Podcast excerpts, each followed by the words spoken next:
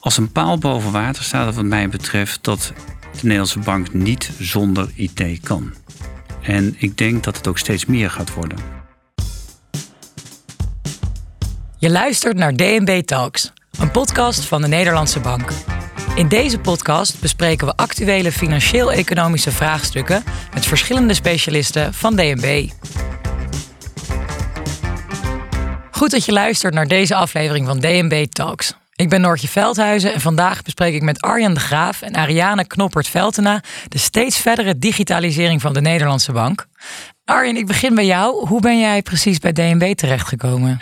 Nou, dat is een weg van 53 jaar. Ik ben geboren in Friesland. Ik kom uit een arbeidersgezin. En dat betekent dat ik toen ging studeren, dat dat best wel een stap was. Ook voor mezelf, moet ik zeggen. Ik had in die tijd nog lang haar en een baard. En als je me nou zou kunnen zien, dan zie je dat daar betrekkelijk weinig van over is gebleven. ik ben bedrijfskunde gaan studeren. Daarna ben ik de IT ingerold. En sinds 2002 ben ik vooral met verschillende ondernemingen bezig geweest.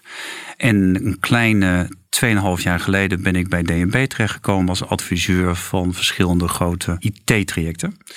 Eh, ik ben er buitengewoon trots op dat ik op 23 maart de CIO ben geworden, Chief Information Officer van de Nederlandse Bank. En dat betekent dat ik eindverantwoordelijk ben eigenlijk voor beleid tot en met uh, de daadwerkelijk beheer van alle IT-zaken van DNB.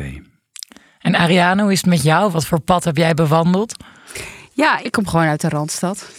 En uh, ik heb uh, wiskunde en informatica gestudeerd. En toen ben ik bij een klein bedrijfje uh, gaan werken, wat software maakte voor de bouw. Maar na zeven jaar dacht ik van, nou, ik moet nou toch eens een overstap maken naar een grote mensenbedrijf. En dat werd meteen DNB. Dat is ja, 24 jaar geleden alweer. Ik kwam binnen als een ontwikkelaar en ik ging al gauw informatieanalist worden. En na een aantal jaar projectleider. En later, uh, toen gingen we agile werken en dat werd uh, product owner. En inmiddels ben ik chief product owner um, van een hele verwerkingsketen met allerlei verschillende applicaties eronder. En hoe zit het met de hiërarchie dan hier aan tafel? Moet ik daar nog rekening mee houden? Of is dat iets wat binnen DNB helemaal niet echt nou, speelt? Er is echt een hiërarchie. Het is namelijk, eh, toen we hier eh, naartoe liepen, toen kreeg ik al te horen dat als ik ademhaal, zei ze, dan moet jij stil zijn. Nou, je hebt het net gehoord. um, ze, eh, ze haalde adem en ik, en ik zei, nou, ik, ik heb het gewoon even afgewacht, zal ik maar zeggen. Um, de divisie data, informatie en technologie. Um, Welke rol speelt die binnen uh, nou ja, toch wel een groot instituut als de Nederlandse Bank? Ja, de Nederlandse Bank heeft verschillende divisies. Daar zijn er 17 van. En elk van die divisies of afdelingen uh, doet een stukje eigenlijk van, ons, van onze dienstverlening. Dus we hebben partijen die toezicht houden op banken, verzekeraars en op pensioenbedrijven. Maar we hebben bijvoorbeeld ook een club die zich richt op resolutie. Hè. Dus als een partij eigenlijk uit de markt gaat, dat in ieder geval voor zorgt dat er netjes een afhandeling ook komt. En wat ik graag altijd zie is dat we, uh, om dat goed uit te dragen, is dat we zowel gids als hoeder worden van de Nederlandse bank. En gids betekent dat we een beeld gaan neerzetten wat er allemaal mogelijk is. En hoeder is dat we heel zuinig zijn op ons IT. En hoeder betekent ook dat je goede beveiliging neerzet dat je zorgt dat je je data netjes eh, aflevert en ook ophaalt. En dat is gewoon eigenlijk een, een, een rol voor zorgen dat wij ons, eh, ons werk eh, goed uitvoeren. Dus de gids is, geeft het toekomstbeeld en de hoeder zorgt ervoor dat, dat je goed kan blijven werken. En we zitten nu net voor die slag naar digitalisering. Dus dat betekent dat we proberen dat wat effectiever neer te zetten. Minder papierstromen, wat meer real-time online. Maar daar zijn we voorlopig nog niet. En dat is waar DIT voor staat. Dus we moeten zorgen dat we ons IT goed op orde hebben, onze informatievoorziening en dat die data daar uh, gewoon soepel doorheen stroomt. En hoe gaat dat? Dat gaat uh, met horten en stoten. Je merkt altijd bij zo'n verandering dat iedereen zijn eigen postzegeltje graag neer wil zetten en, en uh, daar ook maximaal voor gaat. Maar we hebben best wel een grote club. We hebben meer dan 600 man. En je moet er wel voor zorgen dat je die ja, wel eenduidig richt, zal ik maar zeggen. En dat betekent dat we met elkaar naar dezelfde tekening moeten kijken. Wat is de architectuurplaat? Hoe ziet ons toekomstbeeld eruit? Welke stapjes gaan we als eerste nemen? Wat is jouw rol erin? En dat is best wel een militaire operatie. En dat probeer je agile te doen. Hè? Agile is toch een beetje dat multi samen oppakken voor resultaten. Ook in die transitie zitten we nog. Dus we hebben best wel uitdagingen. Nu gaan we naar de cloud. Is toch een andere stijl weer. Klinkt allemaal heel ver weg. Hè? Dat zijn natuurlijk ook datacentra. Maar daar moet je ook nog eens even voor kijken. Ja. Hey, en Ariane, hoe afhankelijk, kun je daar iets zeggen? Hoe afhankelijk is DNB geworden van de digitale technologie? Ja, ik denk wij, wij doen in gegevens. Ik bedoel, wij produceren niks anders dan, eh, dan gegevens, dan beleid, dan informatie, zeg maar. Dat is ons product. Dus dat, dat is bijna synoniem aan de digitalisering. Uh, ten eerste, je merkt in de coronatijd hoe belangrijk het is om gewoon de basics uh, op orde te hebben. Zoals uh, nou ja, de, de online meetings en zo. Dat, dat heeft de hele samenleving gemerkt, denk ik.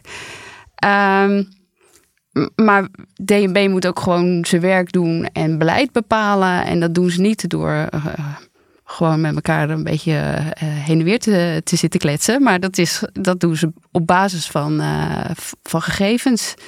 En ja, daarom is dat heel belangrijk, ja. Ja, maar ik doelde op die afhankelijkheid. Want stel nou dat morgen de centrale server van DNB eruit klopt. Oh, zo. Maar oh. Wat, wat dan?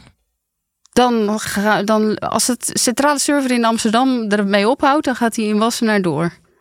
Dus dat, ja, we zijn er wel afhankelijk van. Dat kan niet, we hebben dat allemaal netjes uh, dubbel uitgevoerd. Dat, uh, dat kan niet zomaar uh, stoppen. Ja. Ook betalingsverkeer, dat is helemaal belangrijk. Dus dat is het meest kritische wat we hebben. Betalingsverkeer mag nooit stoppen. Dan, ja, dan ligt de hele economie plat. Ja. Dus uh, ja, dat is heel belangrijk. Ja, je had het net over, nou ja, inderdaad afhankelijkheid. Maar je zei net dat papierstromen steeds meer ook digitaliseren. Ja. Ik kan me indenken dat het ook voor veel mensen wel uh, um, misschien ook wel spannend is. Het is denk ik voor, uh, voor zowel IT als voor de businessmensen is het een grote afhankelijkheid. Onze businessmensen die willen gewoon hun werk kunnen doen. En we hebben af en toe ook nog wel eens een keer verstoringje op onze werkplek. Dat is natuurlijk buitengewoon vervelend. En als je iets gaat veranderen, krijg je meer verstoringen altijd in het begin. Dat zijn altijd dingen die, waar je niet over nagedacht hebt. Dat is de ene kant. Aan de andere kant gaat het voor mensen hun werkinhoud ook dingen betekenen. Vind ik het dan nog wel steeds leuk om te doen. Als een paal boven water staat wat mij betreft dat de Nederlandse bank niet zonder IT kan. En ik denk dat het ook steeds meer gaat worden. Uh, nou, Ariane weet nog veel meer van dan ik. Maar wij hebben zo onwaarschijnlijke volumes aan data krijgen we binnen. Ja, vroeger deden we dat op een papiertje. Tegenwoordig is het real-time online. En dan moeten we daar ook nog allerlei analyses op doen. En dan moeten wij inschattingen maken. Gaat het goed of gaat het niet goed? Betekent ook veel vertrouwen in je geautomatiseerde proces. En um, ik denk ook dat wij uh, de business nog veel meer kunnen helpen met allerlei dashboards, voorspellingszaken. En dat kan je ook doen met uh, artificial intelligence. Uh, wat we nu nog niet weten dat we kunnen gaan doen. En ik denk dat IT vervlochten gaat worden zometeen met de business. En ik hoop dat het een heel goed huwelijk gaat worden. Ik ga er in ieder geval samen met Ariana alles aan doen om er een heel goed huwelijk van te maken. Hoe heeft deze toenemende digitalisering effect op jullie werk? En dan Ariane in jouw geval op de data? Ja, je ziet dat in de loop van de jaren zie je de, uh, de hoeveelheid data zie je exponentieel groeien. We krijgen nu ongeveer uh, uh, 100.000 rapportages per jaar binnen. Van, ja, van allerlei instellingen die aan ons uh, data moeten leveren. Zoals? zoals banken, verzekeringsmaatschappijen en pensioenfondsen. dus eigenlijk financiële instellingen. Um, en ja, die hoeveelheid data die, die varieert tussen enkele uh, megabytes tot, uh, tot uh, gigabytes, zeg maar. En volgend jaar zal de hoeveelheid data verdubbeld zijn. En ook nog eens op allemaal dezelfde piekmomenten plaatsvinden. Dus ja, dat is iets wat we moeten aankunnen. Elk moment dat, dat die behoefte aan die data ontstaat. Dus dat is een flinke uitdaging om dat allemaal te kunnen verwerken. En gaan er dan ook twee keer zoveel mensen straks aan werken? Want je zegt volgend jaar gaat het verdubbelen. Ja, nee, dat is. Hoe, hoe eh, verwerk je zoiets? Ja, um, je moet zorgen dat de systemen het aankunnen. Nou, die, de cloudgang, wat Arjen net al zei, uh, is daar wel voorwaardelijk voor. Volgend jaar kunnen we denk ik nog wel aan met de systemen die we hebben, maar het jaar erop al, al niet meer. Dus daar moeten we ons echt goed op voorbereiden. En uh, ja, en ja, de cloud is schaalbaar. Daar kunnen nou ja, rekbare uh, verwerkingscapaciteit. Ja, die stap moeten we gaan nemen met z'n allen. Ja, en, en dan krijg je dus alles binnen. Je zegt in de cloud, we moeten er plek voor hebben. Maar hoe ga je er dan ook mee aan de slag? Ja, daar komen steeds betere tools voor. Want ja, vroeger ging dat allemaal op papier. En, ja, of, en toen ging het in Excel. En dat kon je al nog bij, wel behappen. Maar je hebt steeds sterkere tools nodig om uh, aan de analysekant daar ook iets mee te kunnen. Uh, nou, dat zijn ook zelflerende tools. En ja, daar moeten we steeds meer ervaring mee op gaan doen. Want daar, uh, ja, daar kennen we ook nog niet alles van. Dus uh, ja, dat is een, een mooi traject wat we nog ingaan. jullie noemden al tools, wat, wat gereedschap. Maar Arjen, wat voor gereedschap, waar hebben we het dan over? Wij willen nu eigenlijk vooral alle stoelen op Microsoft. En waarom doen we dat? Omdat je dan ook zeker weet dat alles goed met elkaar communiceert. En dat je dus ook veel minder uh, incidenten gaat krijgen. Dat betekent ook voor de cloudgang dat we naar Azure toe gaan, omdat dat ook een cloud onderdeel, uh, cloud onderdeel heeft. We hebben het op die dataspoor hebben wij ook Microsoft producten, maar we hebben daar ook nog aanvullende producten, denk ik, op. En Ariane, daar zit jij veel beter in nog dan ik. Ja, ja, ja. ja we hebben uh, daar verschillende producten. We hebben een soort van speeltuin voor data scientists om, uh, om met de data aan de, aan de gang te gaan. En dan moet je denken aan R en Python en zo. Maar we hebben ook wat tooling, zoals BI, dashboard tooling, zeg maar, om, ja, om dashboards te maken voor de wat minder geavanceerde gebruikers. Ja, dus van alles wat. En het viel net al even, de, de, cloud. Um, dat is dus voor jullie een, een, nieuwe plek om de gegevens op te slaan en dan waar de data terecht komt. Waar kwam die dan vroeger? Of voorheen? Ja, vroeger gewoon op servers die bij ons in de kelder stonden. Uh, op, het, uh, op het Westeinde, zeg maar. Uh. Stonden naast het goud, stonden ze. Ja, ja precies. We hadden, we hadden, dubbel intern goud. Dus je kon het ene hokje in en dan had je, had je geel goud. En de andere was uh, het andere goud. ja. ja. ja. Ja, en je ziet nu dat nieuwe, nieuwe projecten die nu starten, die zitten meteen in de cloud. En ja, dingen die we nog hebben staan op die service lokaal, zeg maar, die, uh, die moeten we zo langzamerhand naar de cloud gaan brengen. En dat, uh, ja, dat gaat wel een paar jaar kosten. Ja. Ja, maar dat is ook wel weer een hele leuke ontwikkeling. En, en, en voor, de, voor de ontwikkelaars is het, uh, ja, is het ook weer super om zich daarin te verdiepen. Ja. ja kunnen dus wel stellen dat het effect van de digitalisering heel groot is. Ja. Zeker. Zeker als je kijkt naar de glimlach op onze, om onze mond, zometeen als het helemaal gelukt is. Dan, uh, ja, ja nou, dat vaststellend. Uh, Ariane, heb je ook een, een concreet voorbeeld van waar je nu uh, mee aan het werk bent, waar je mee bezig bent? Ja, we zijn nu um, ja, in voor, vooruitlopend. Wij, wij maken software voor. Um, wat eigenlijk het digitale postbus is voor allerlei instellingen om bij ons data te, uh, te droppen. En diezelfde postbus die hebben wij om het dan weer uh, Europa in te sturen, bijvoorbeeld naar de Europese Centrale Bank. Dat is een, een onderdeel wat al een, tijdje bestaat, uh, wat we naar de cloud moeten brengen. Maar wat we eerst netjes willen opruimen voordat we gaan verhuizen. We willen eerst de zolder opruimen en dan willen we gaan verhuizen. En daar zijn we mee bezig. Ja, en daar denken we volgend jaar voor nodig te hebben en daarna die stap naar de cloud te kunnen doen. Ja. Leuk. En Arjen, jij? Je staat dus niet meer met je, met je voeten in de klei? Nee, ik zit wel met mijn hoofd in de wolken, dus ik zou er wel iets van moeten weten dan. Um, nee, hoe wij met de cloud omgaan, we gaan niet alles naar de cloud doen op de hele korte termijn. En de reden is omdat, uh, eigenlijk wat hier Ariane ook aangaf, soms is het gewoon helemaal niet zinvol om dat te doen. Dus we kijken het business case gedreven. Heeft ook te maken met alle andere aspecten, zoals beheer, beveiliging en dat soort dingen. Um, de komende jaren zal ongeveer de helft naar de cloud gaan. En de andere helft zal pas later volgen. We gebruiken wel heel veel cloud-based software of applicaties. Dus als die er al zijn, zitten ze erin. Maar we hebben ook nog wel wat ouder maatwerksoftware, dus wat we zelf helemaal gebouwd hebben. En de vraag is of dat heel verstandig is om dat naar de cloud toe te brengen. En heel vaak is dat niet het geval. En daar moeten we ook nog wat afwegingen op maken. Ehm, ik twijfel er niet aan dat jullie heel veel plezier hebben in je werk en, en heel erg op je plek zitten. Want jullie stralen allebei zodra je over je werk begint te praten. Nou komt het. Maar wat maakt, ehm, nou helemaal niet, wat maakt DNB voor, volgens jullie een interessante plek voor, voor IT'ers, Ariane? Ja, wat ik eerder al zei, wij doen in IT, of wij, ja, wij doen in data, wij doen in informatie, dat moet ik zeggen. Ehm, dus het is sowieso uh, alles, voor alles wat we doen relevant.